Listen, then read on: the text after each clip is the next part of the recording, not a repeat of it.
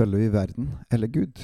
Det er en av de grunnleggende elementene med det å være kristen, og det skal vi se på i dag når vi skal lese litt i Efeserne 2. Velkommen til Gud i sentrum av meg, Håkon Winnem.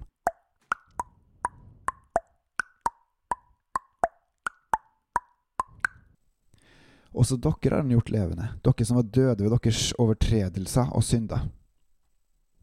Alle vi mennesker, absolutt alle, vi gjør overtredelser, og vi synder. Det ligger i vår natur, og det har det gjort helt siden Adam og Eva spiste av kunnskapens tre. Det er noe som vi faktisk alle gjør, og det er helt umulig å la være å gjøre det.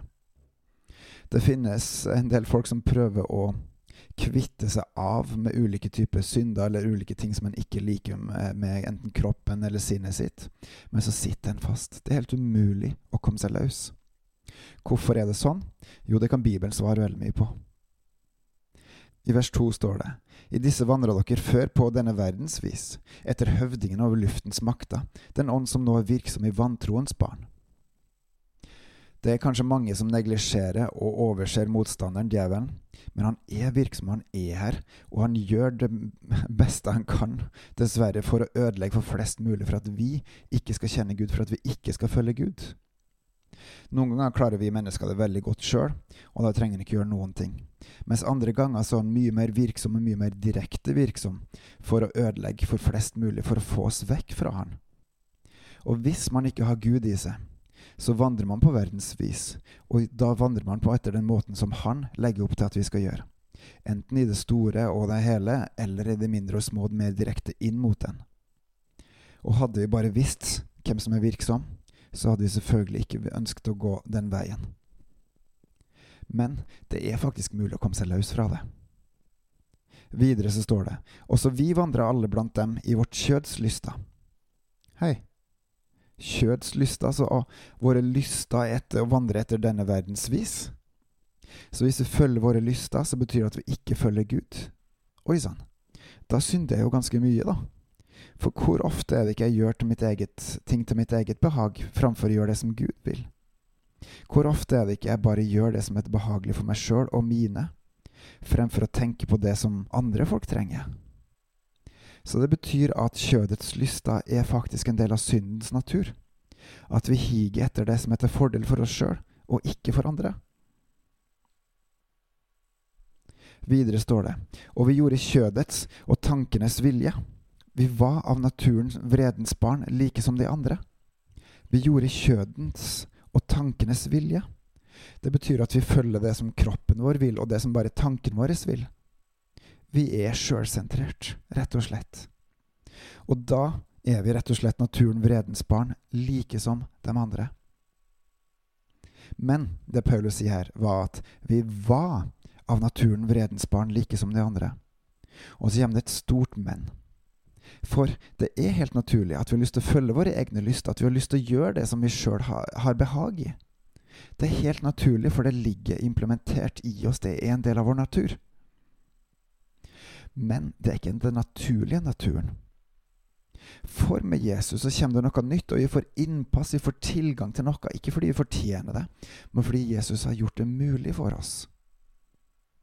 I vers 4 står det:" Men Gud, som er rik på miskunn, har på grunn av sin store kjærlighet, som Han har gjort oss levende med Kristus, vi som var døde ved våre overtredelser. Så Gud, fordi Han vil, fordi at Han har så stor kjærlighet til oss, han har gjort oss levende i Kristus. Vi var døde, men er det ikke nå lenger. For av nåde er dere frelst. Han oppvakte oss med han og satte oss, satte oss med han i himmelen, i Kristus Jesus, for at han i de kommende tider kunne vise sin nådes overveldende rikdom i godhet mot oss i Kristus Jesus. Så fordi vi tar imot Jesus, så har Gud reist oss opp med Han i Jesus for at vi skal få lov til å få Hans godhet gjennom Jesus Kristus. Hvilken enorm gave!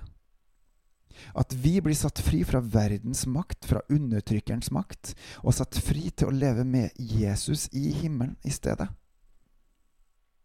For av nåde er dere frelst, ved tru.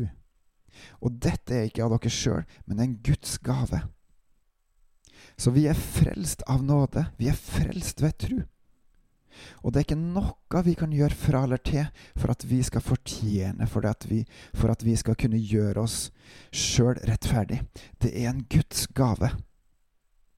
Så alle de minusene du går og bærer på, som jeg går og bærer på, som vi går og bærer på, all den ufullstendigheten, all den sjølfokuset, all den sjølnytelsen og alle de ting som vi sjøl har lyst til å gjøre, det kan vi legge framfor Gud og si, Gud, tilgi meg. Og så tar han det på seg på grunn av Jesus, og så får vi lov til å stige fram for han og få av Guds gaver. Ikke fordi vi fortjener det, men fordi at Gud har gjort det mulig. Og Gud gir det oss av nåde. Han gir det i kjærlighet. Det er ikke av gjerning for at ikke noen skal rose det seg. For vi er Hans verk, skapt i Kristus Jesus til gode gjerninger som Gud forut har lagt ferdig for at vi skulle vandre i dem. Så vi er altså et verk gjort av Gud. Hvorfor? Jo, fordi han ønsker at vi skal gjøre gode gjerninger gjennom Jesus. Så ikke hvilke som helst gjerninger, men gjennom Jesus. Så skal vi gjøre gode gjerninger. Og de har Gud lagt klar framfor oss for at vi skal vandre i dem. Valget er vårt.